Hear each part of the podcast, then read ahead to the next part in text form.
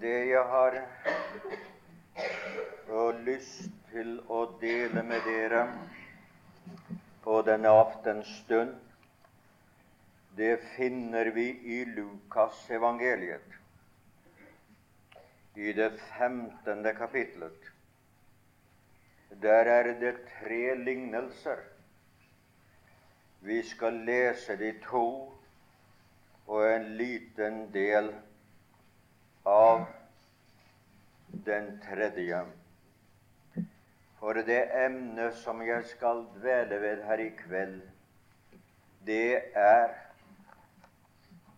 treenigheten i det sjelevinnende arbeidet.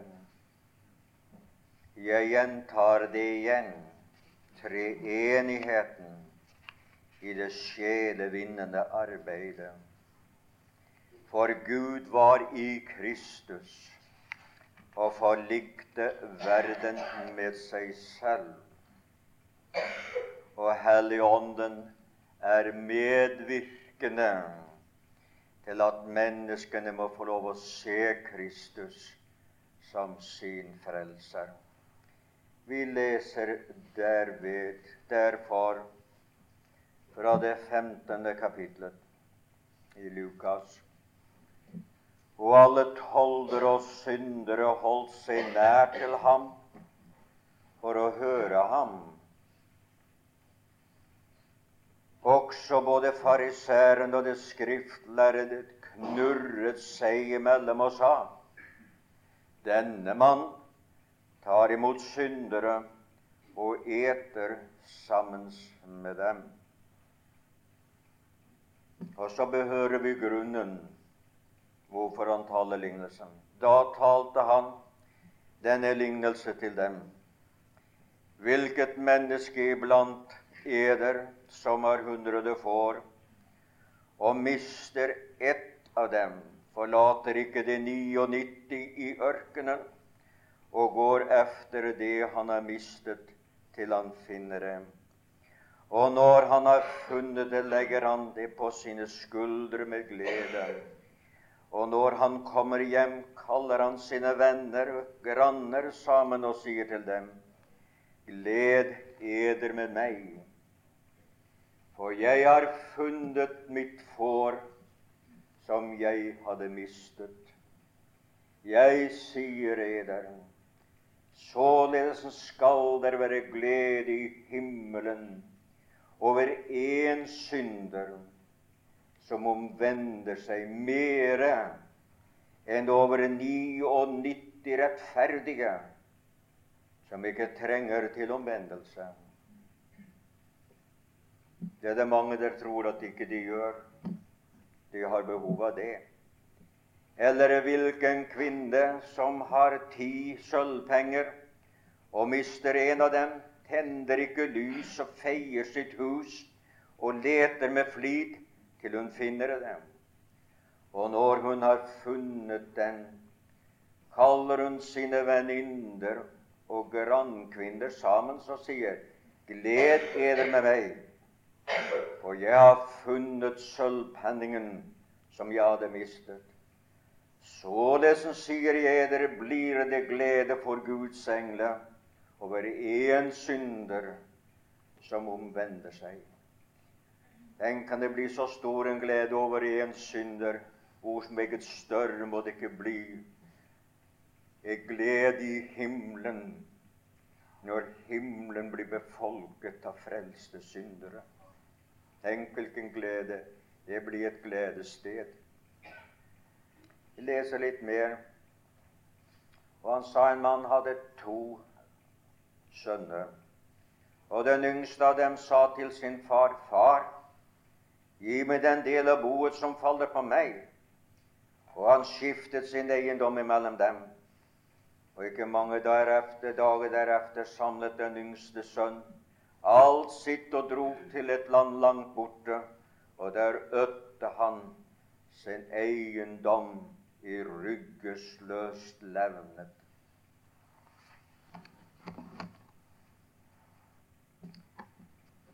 Jeg tror at denne lignelse på en slående måte viser oss at treenigheten er engasjert i aktivitet for at syndere skal bli frelst. For at deg og du og jeg skal nå målet. Endemålet for vår tro, sjelenes frelse. Her er det altså tre lignelser. Et tapt får, en tapt sølvpenge,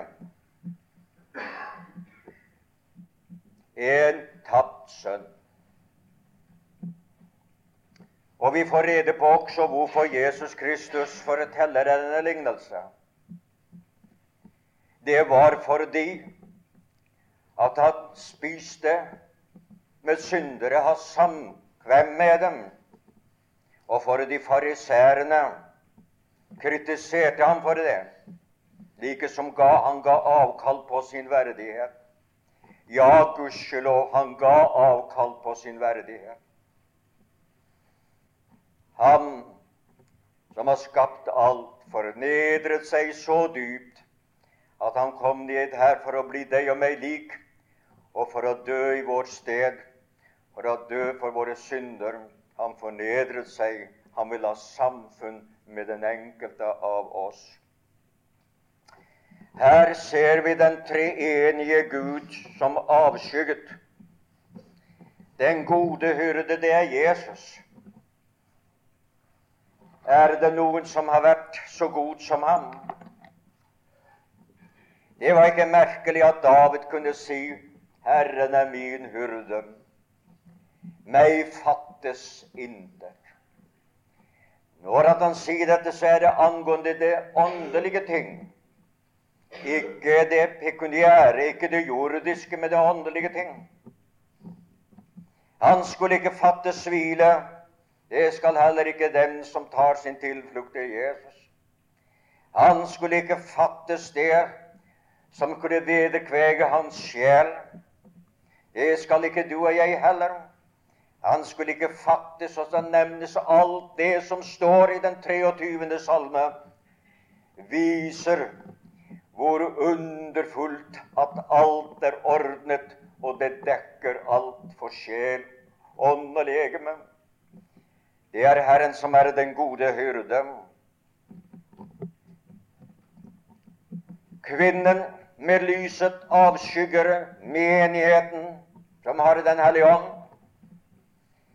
som opplyser menigheten, som kaster lys i menighetshjemmet, ja, som skulle kaste lys over alt hvor han får lov å komme til og den tapte sønns far avskygger Gud. Så har vi den gode hyrde. Så har vi Helligånden som lyset.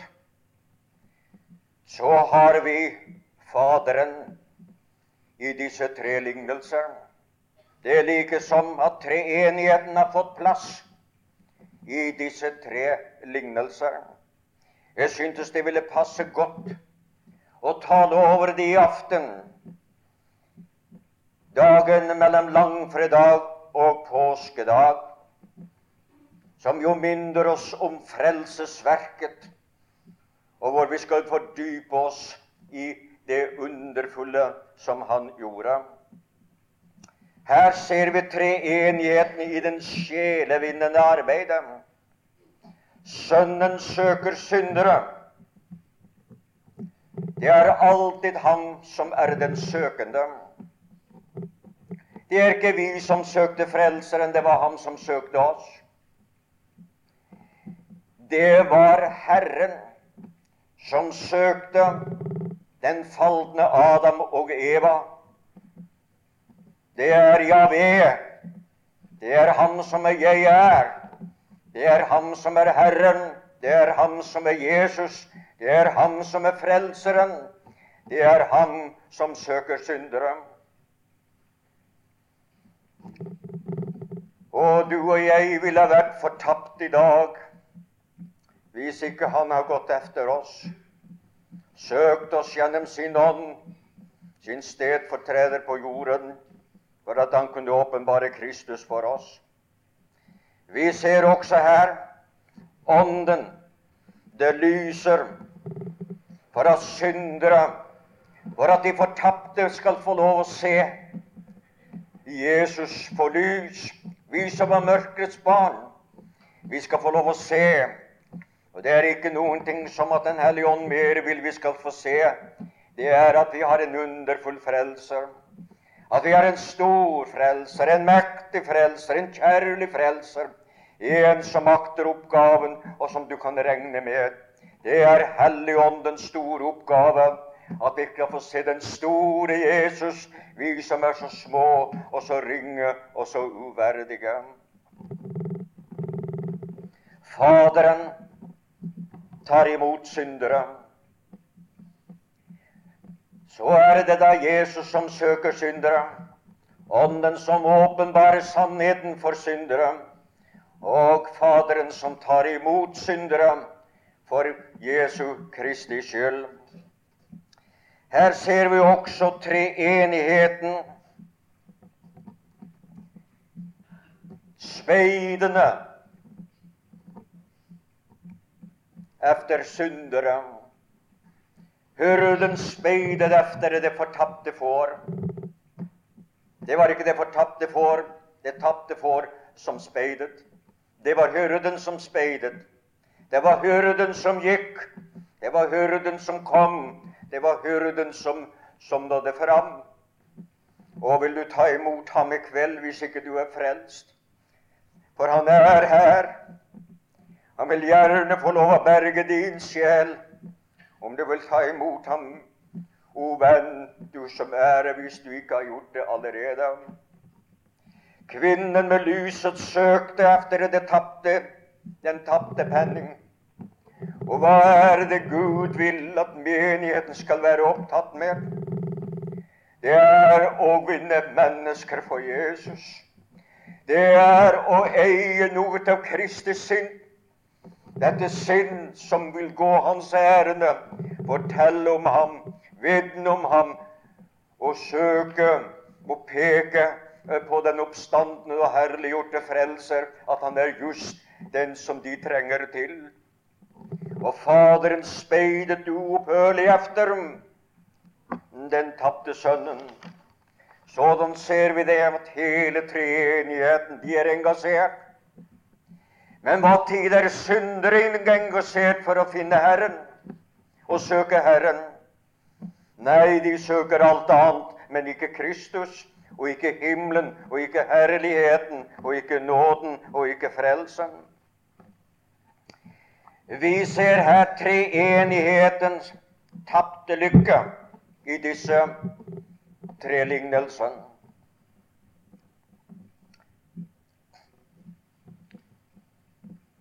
Alle syndere representerer guddommelige verdier.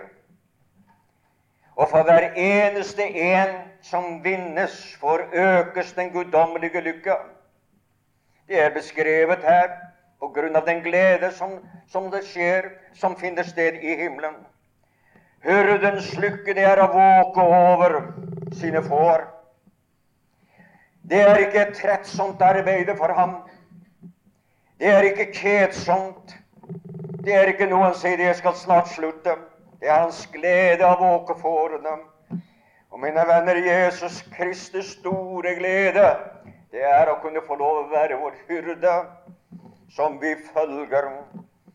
Å, hvilken lykke å følge Jesus på sannhets vei, på renhets vei, på kjærlighetsvei på veien som fører til himmelen, hvor han selv er veien. Ja, det var hans lykke. Og du som ikke har sagt ja til Jesus Kristus, du like som berøver Herren den lykke som han skulle ha ved å få lov å frelse din sjel. Det er jo givet at et menneske som sier ja til Jesus, blir et lykkelig menneske. Han har i det minste grunn til å være det. Hvis du ser opp, ikke hvis du ser innover, ikke hvis du betrakter din duelighet, for det er uduelighet, men hvis du betrakter det som vår bror leste her, til innledning som møtet, så vil du se det. Det er gledesemner, det er gledeskilder. Det er det som vi kan få lov å bygge og leve på og regne med. Vil du bringe glede til himmelen i dag, lykke til treenigheten, og gi Jesus ditt hjerte, så skal du også oppleve den samme. Kvinnens lykke, det er å eie det hun fikk. Hun hadde fått ti sølvpenger. Disse ti sølvpenger det var ikke noe som hun skulle ha i sin pung som skulle, når hun skulle ut og handle. Nei, det var det ikke. Det var ti penger som var festet sammen, ti sølvpenger som var festet sammen til en kjede som hun skulle ha rundt sin hals. Og denne, den skulle ikke bestå av syv, den skulle ikke bestå av ni, den skulle ikke bestå av tolv, den skulle bestå av ti. Og ti står for, all, for det som er fullstendig. Der mangler intet. Og hva skulle det representere? Den kjeden der den fikk hun på den dag hun ble hans hustru. Og det var skulle representere lykken i dette ekteskapet, lykken i dette hjem, lykken i denne kjærligheten, det var et symbol. Og hvis hun tapte en av disse pengene, så ble det ansett som at hun tapte lykke. Tapte hun alt, så bebudet at hun kom til å tape all lykke. Tapte hun fem av dem, ja, da var det jo 50% av lykken. Men her hadde hun tapt én. Det var 10% av lykken som hun hadde tapt. Og derfor var det et dårlig varsel.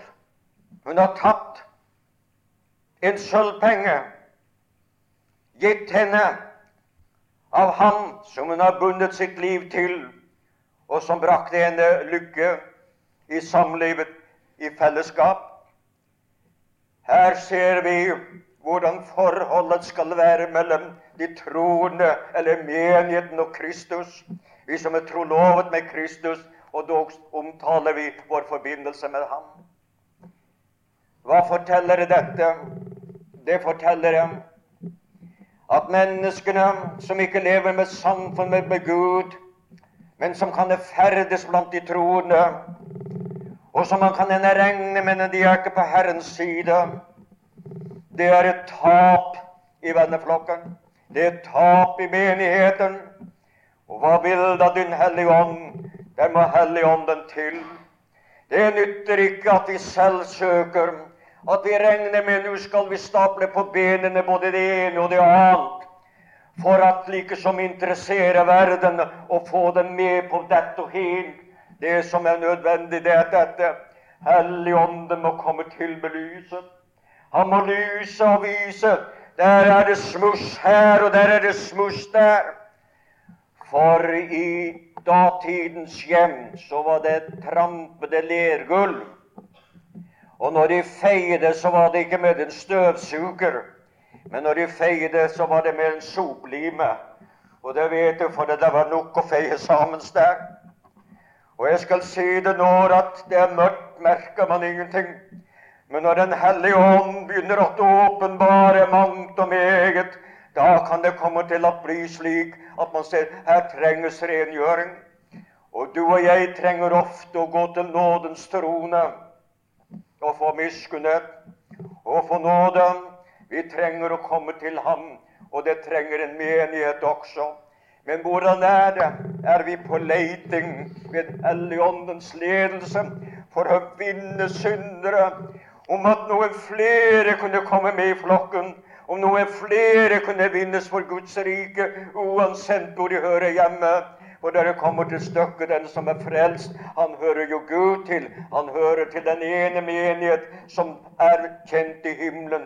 Guds menighet, uansett hvilket jordisk navn de har. Og du, min venn, her igjen, har ånden lys for deg at du er fortapt synder.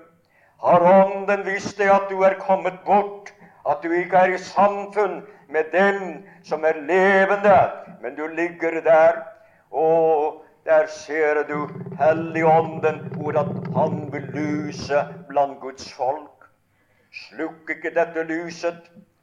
Vit det er Kristus, for Åndens verk er at åpenbare Kristus.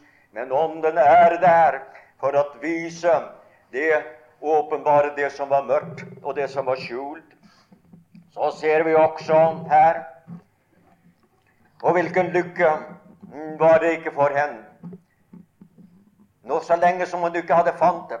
Og hva brukte hun? Soplimen. Vet du hva soplimen Hun hadde to ting. Den ene hånden den ene hånden, og den andre tar hun en annen. Hun hadde lyset den ene og soplimen den annen. Og der hvor lyset, der kom soplimen. Og hva er soplimen? Det er Guds ord.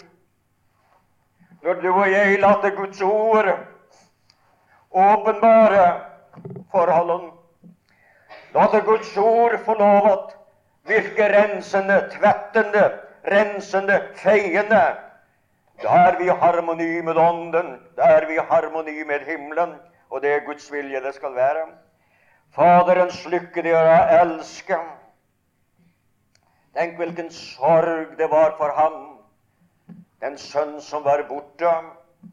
Og her er det at han speider efter han Lignelsen ble jo omtalt her fordi det var Israels hus og Israels menighet det var tale om.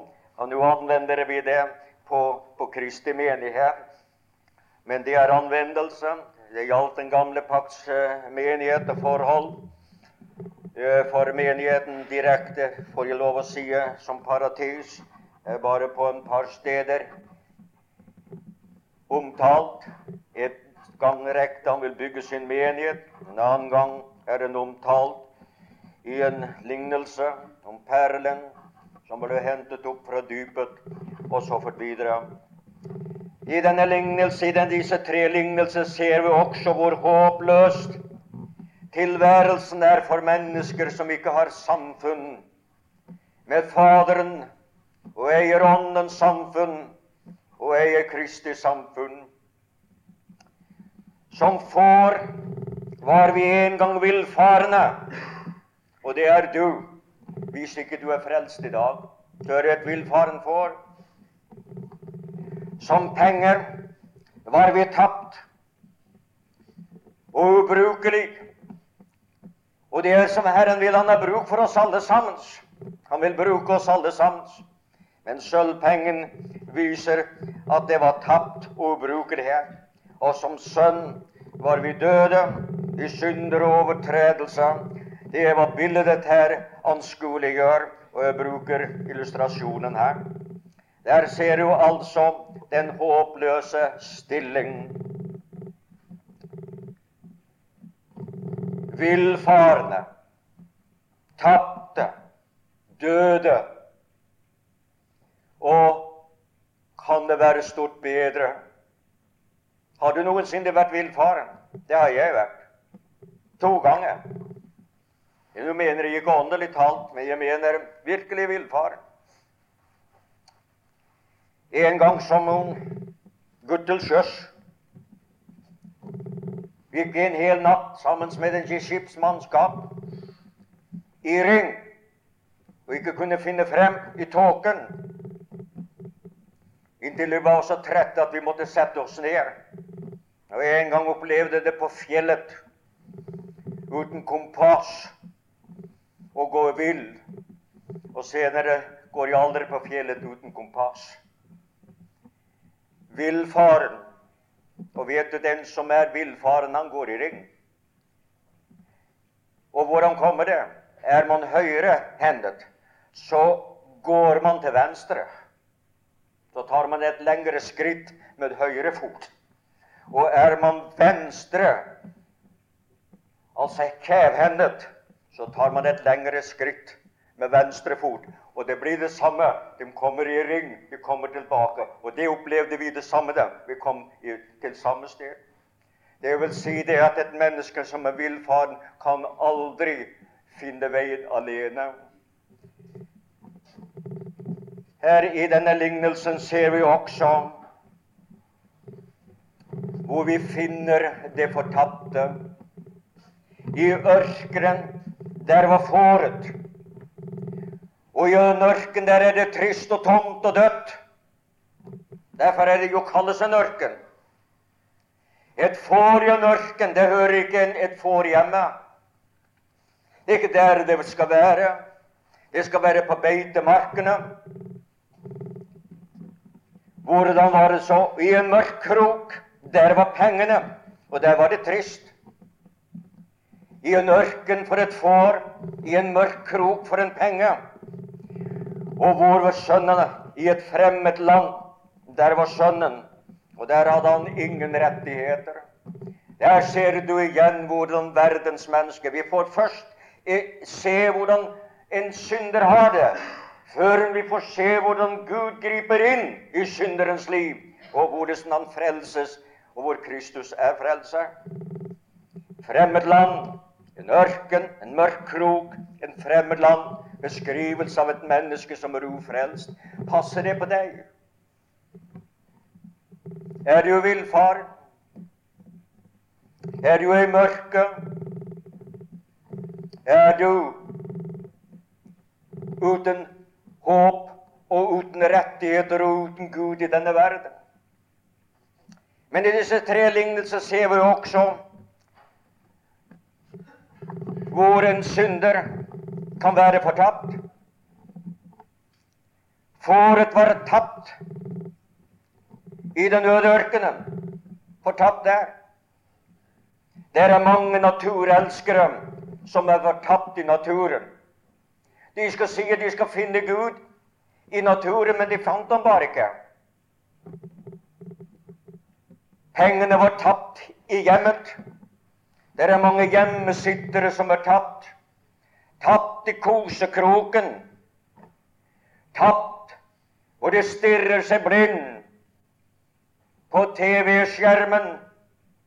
Størstedelen med råtne, skitne forestillinger som aldri man før ville tenkt seg å kunne gå.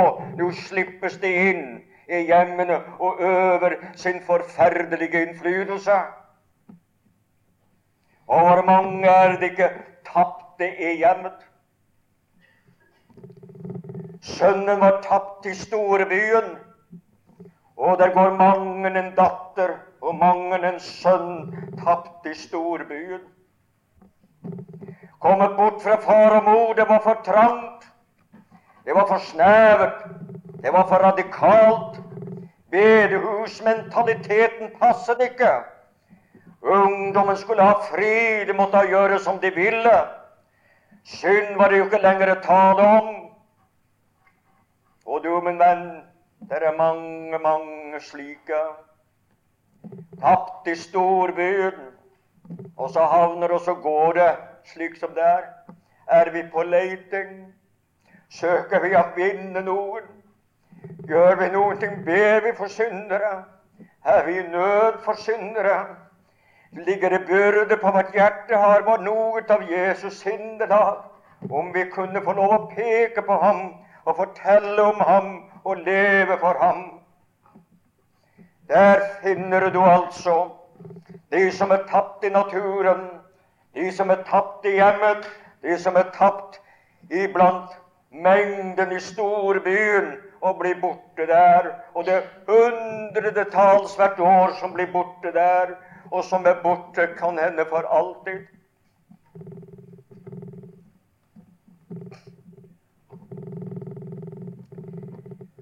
Vi ser også her hvor usselt en uomvendt menneske har det.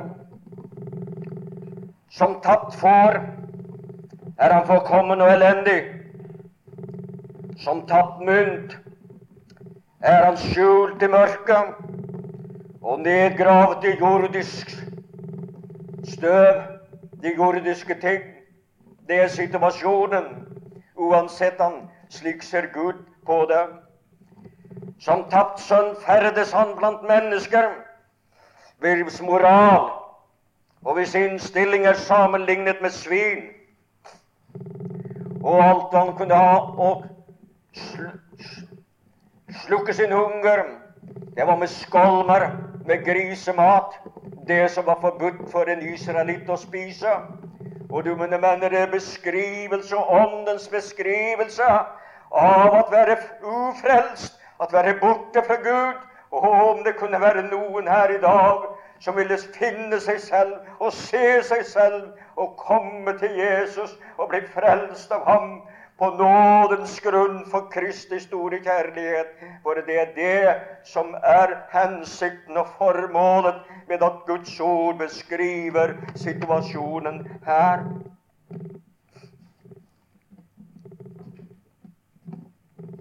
Her ser vi også hvor hva det nå omvendt har gått glipp av. Fåret hadde tatt den gode hyrde. Den gode hyrde. Han kom jo for å søke frels, søke og frelse det fortapte. Den gode folk som sitt hjem.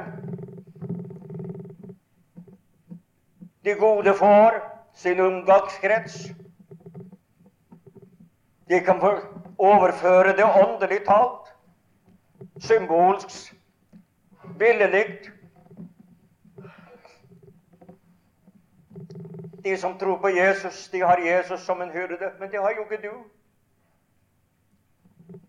De som tror på Jesus, de har et åndelig hjem. Og det åndelige hjem, det er der hvor Guds folk samles. Det er der hvor de troende kommer sammen. Og hvis du er innstillet slik at ikke du vil være sammen med Guds folk, så må du heller undersøke hvordan er ditt forhold med Gud. Han har tapt den gode samfunn. Det er hvor to og tre er samlet sammen. Der er Herren blant dem.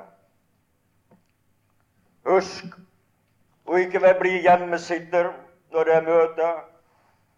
Husk at det er særlige velsignelser når Herrens folk kommer sammen som Guds ord det er Herrens ånd på en spesiell måte der. Mynten hadde tapt sin brukbarhet, sin verdi, den lykke den skulle representere. Og hva har ikke sønnen tapt? Ja, sin far, sitt hjem, sin arv, sin dyd, seg selv, sitt liv. Og det var et konkursbo. Og slik er det når et menneske ikke lever sammen med Herren. Nå kommer vi til at vennebildet Nå er alt det vi nå har talt om, det er situasjonen for et menneske uten håp og Gud, uten frelse. Et fortapt menneske. Og det var ikke lyst, det var mørkt. Men det er ikke håpløst hvis du tar din tilflukt til Jesus. Nå skal vi se litt nærmere litt på det der. I disse lignende ser vi hva Gud gjorde for å frelse syndere. Hurden forlot alt for å søke det tapte. Og det er det vi minnes i påsken, hvor vår Herre og Frelser gav avkall på da forlot sin himmelske Far og kom ned til vår jord og ble vår slik som barn og ble prøvet i alt og ga avkall på alt. Hyrden forlot alt for å vinne det tapte. Da kan du forstå han setter pris på din sjel. Og jeg føler det slik at det er noen her i kveld som har et kall fra Gud. Om du vil si ja til ham, at denne aften mellom langfredag og påskedag måtte bli en frelsesdag for deg. Å, Guds folk, vær beden om dette. At det må skje at noen i kveld må gi sitt hjerte til Jesus. At det er tiden i dag som skulle være frelsens dag for deg. Hyrden slapp, hyrden gav av kaval, og kvinnen slapp alt. Det var bare to ting som var viktig for henne. Det var lyset og kosten. Og når Åndens ledelse og Guds ord blir det viktigste for oss, mine venner, det er det mange som blir annerledes rundt i hjemmene omkring. Det er det mange som blir ryddet opp. Det er det mange som blir bedt om tilgivelse. Da skjer det noe når Ånden og Ordet får lov å gjøre sin virkning i hjemmet, slik som det får lov å gjøre virkning over andre steder hvor synden er. Og hva gjorde Faderen? Han sprang fra alt, den gamle mannen. Han tenkte ikke på hjertet, han tenkte ikke på alderen, men han sprang for å møte sin far, sin sønn, og hvor det illustrerer Guds kjærlighet og Guds lengsel efter å motta syndere, at motta dem og favne dem og gjøre dem til sine. Der ser du hva Gud har gjort. Men vi har talt om hvor usselt det er med oss mennesker, håpløst uten Kristi frelsesverk. Vi ser også i denne, disse tre lignelser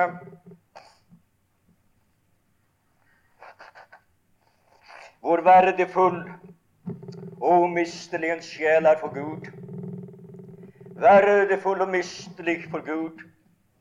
Den ene får var umistelig for hyrden. Han tenkte ikke som sådan. Ja, ja, jeg har da 99 igjen. Den kraken der, den kan da bare få lov å gå der ute i ørkenen. Hva spiller det der? Når jeg har så meget som 99 igjen, så er jeg så sannelig ikke så lite. Han tenkte ikke slik. Han forlot alt for å vinne den ene. Det er det som Guds hånd vil fortelle deg, at han er interessert i deg til å gjøre de største ofre. Og det er hva Golgata-verket forteller oss om. De største ofre for å frelse din og min sjel. Så være det. Den ene mynt var umistelig for kvinnen. Hun tenkte ikke som så. Ja, ja, jeg har noen ni igjen. Det kan enda bli et ganske pent smykke ut av det der. Men hvor mange vil oppdage det at jeg mangler én? Jeg kan, behøver ikke feste med det. Nei, hun slapp alle andre ting som var opptatt, og belyset i hånden og kosten i den andre hånden. Det var en hjertesak for henne. Den tapte lykke om dette at det måtte være harmoni. Og Gud vil at det skal være harmoni innad. Og for at det skal bli det innad, må det være oppad.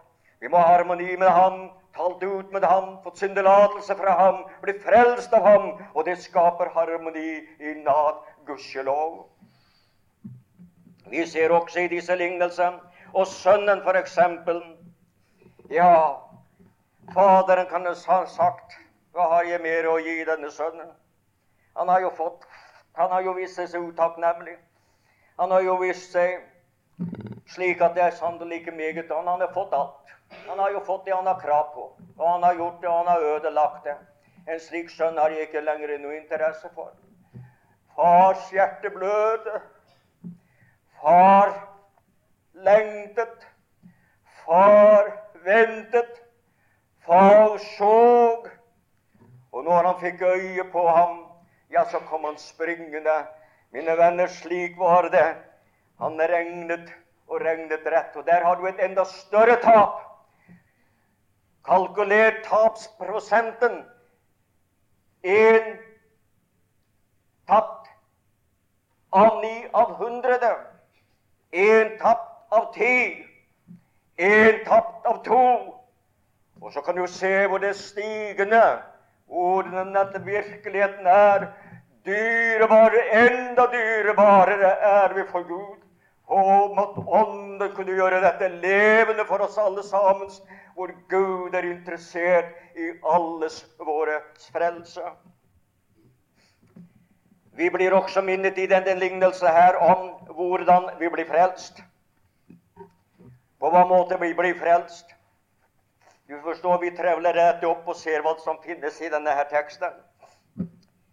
Og hvordan skjedde det?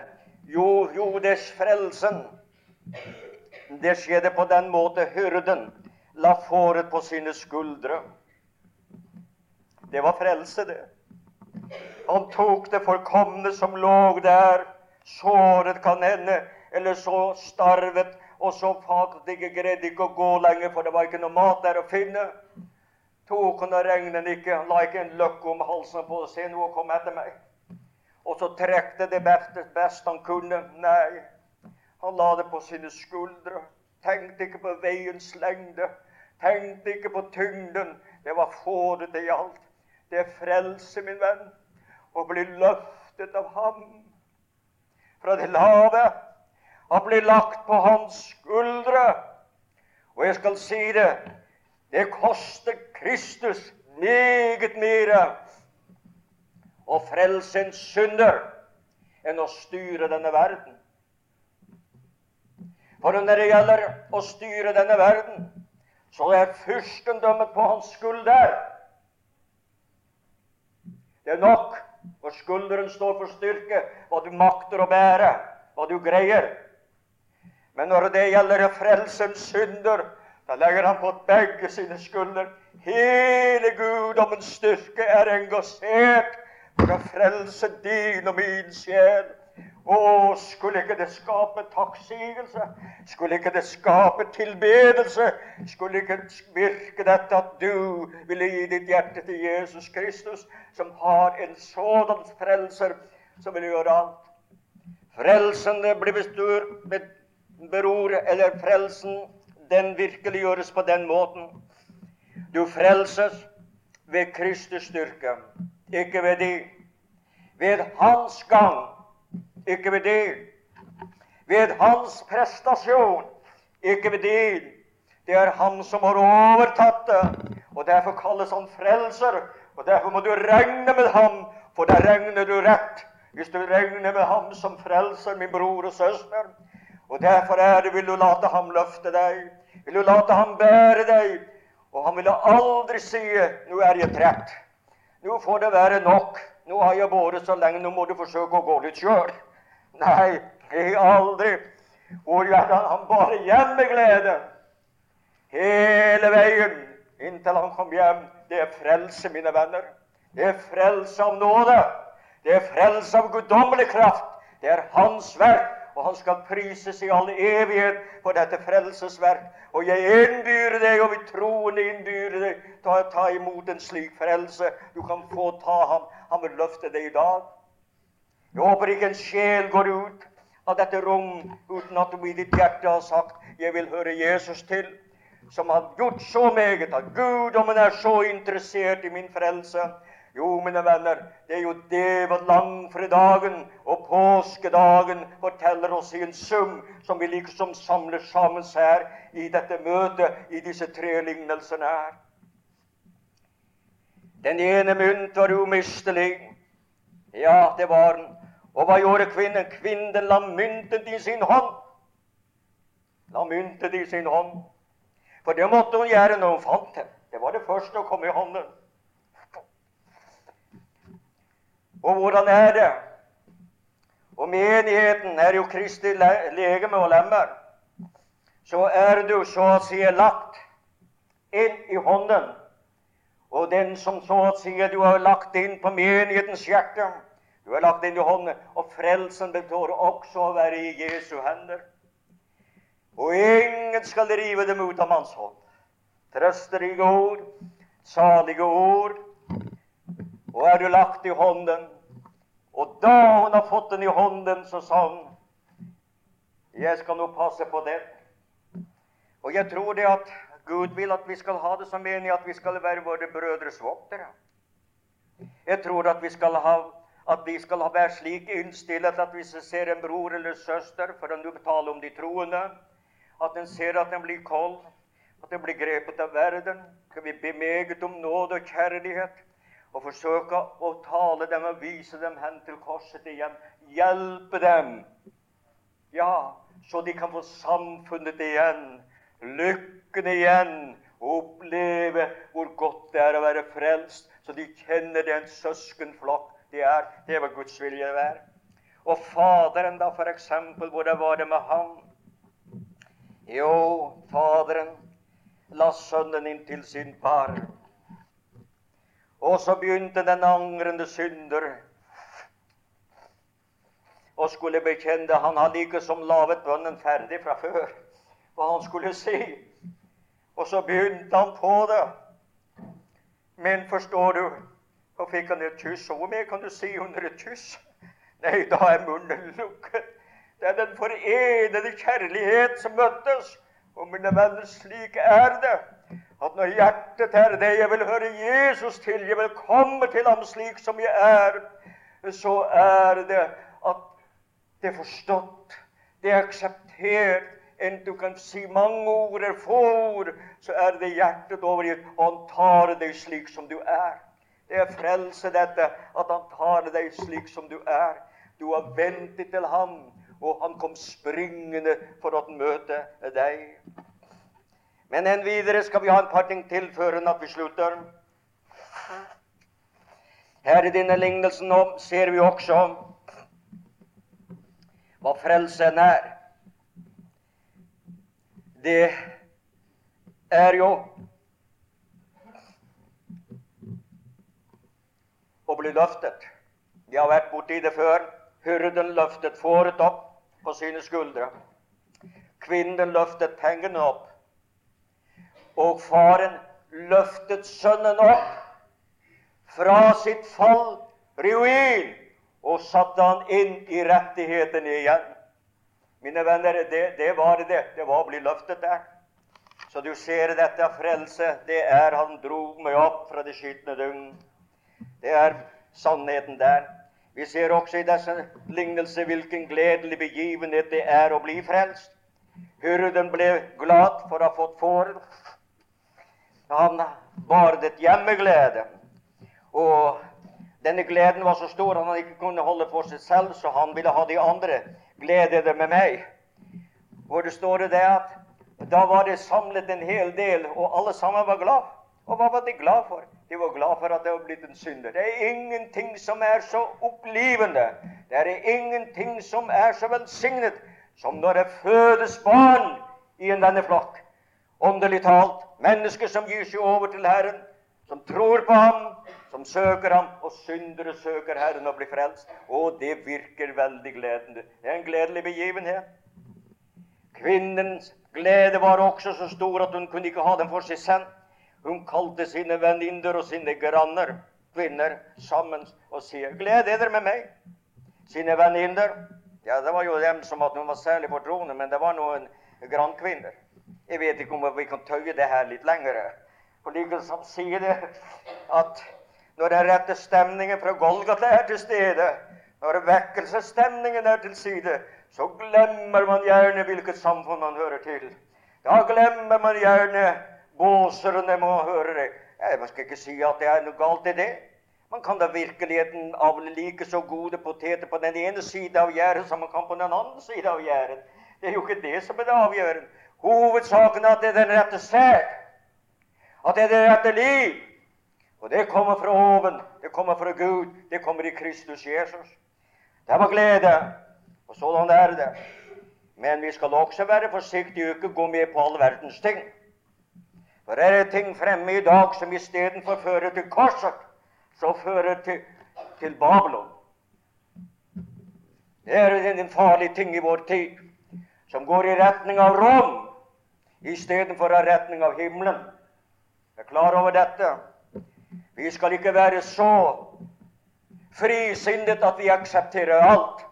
Vi skal akseptere alt som er på korsets grunn, på nådens grunn, som er Kristus alene. Det er samlingsmerket. Og det holder. Og det er også det ene. Alt annet kan skille mer og mindre. Ja da, det var altså den. Og så Faderen ble så glad. Og hvor glad det begynte. Han eh, la oss ete og være glade, står der. Det står ingenting om at den har holdt opp. De begynte å bli glade og fortsette. Og gleden over synderes frelse er en evig glede. Den skal vare i evighet.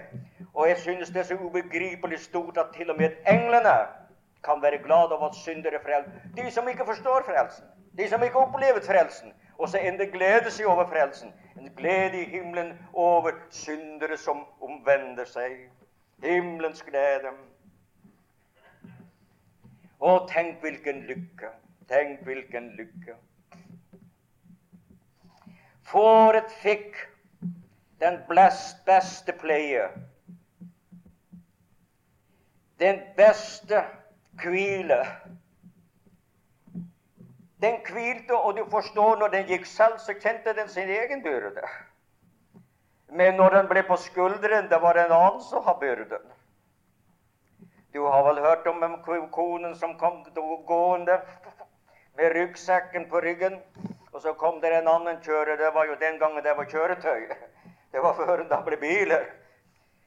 Og så gamle mor kom kroket ned med sin tunge byrde, og så sa han du mor, vil ikke du bli sittende med? Jo, takk skal du ha.